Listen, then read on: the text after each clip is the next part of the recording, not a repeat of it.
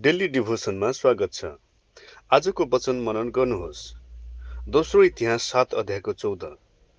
यदि मेरो आफ्नै नाउँ दिएको मेरो प्रजाले आफैलाई नम्र पारेर प्रार्थना गर्छ र मलाई खोजेर आफ्ना दुष्ट चालहरूबाट फर्कन्छ तब म स्वर्गबाट तिनीहरूको प्रार्थना सुन्नेछु र तिनीहरूका पाप क्षमा गर्नेछु र तिनीहरूको देशलाई म स्वस्थ पार्नेछु।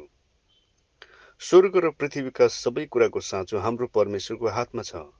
उहाँको वचन अनुसार जिउनेहरूलाई आशिष दिनुहुन्छ तर दुष्ट चालहरूमा हिँड्नेहरू भने उहाँको अनुग्रहबाट बाहिर रहनेछन्।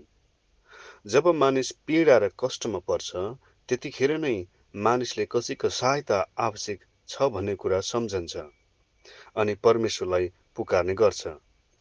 हाम्रो परमेश्वरको भला क्षमाशील र प्रेमिलो मन सधैँ नै आफ्ना जनहरूमा छ।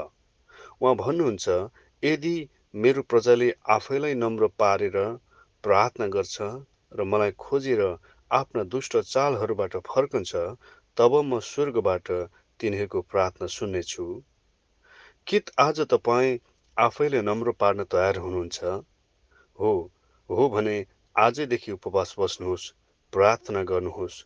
प्रभुको खोजी गर्नुहोस्। कुन कुराले तपाईँ सङ्घर्ष गर्दै हुनुहुन्छ? प्रभुमा राख्नुहोस्। नम्रतामा उहाँसँग पुकार गर्नुहोस्।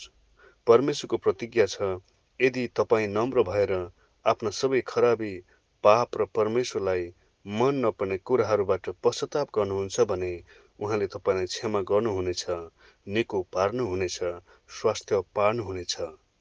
विश्वासीहरूको पश्चाताप सहितको अर्ज बिन्तीले समाजलाई उन्नति लानेछ देशलाई आशिष मिल्नेछ। आमेन।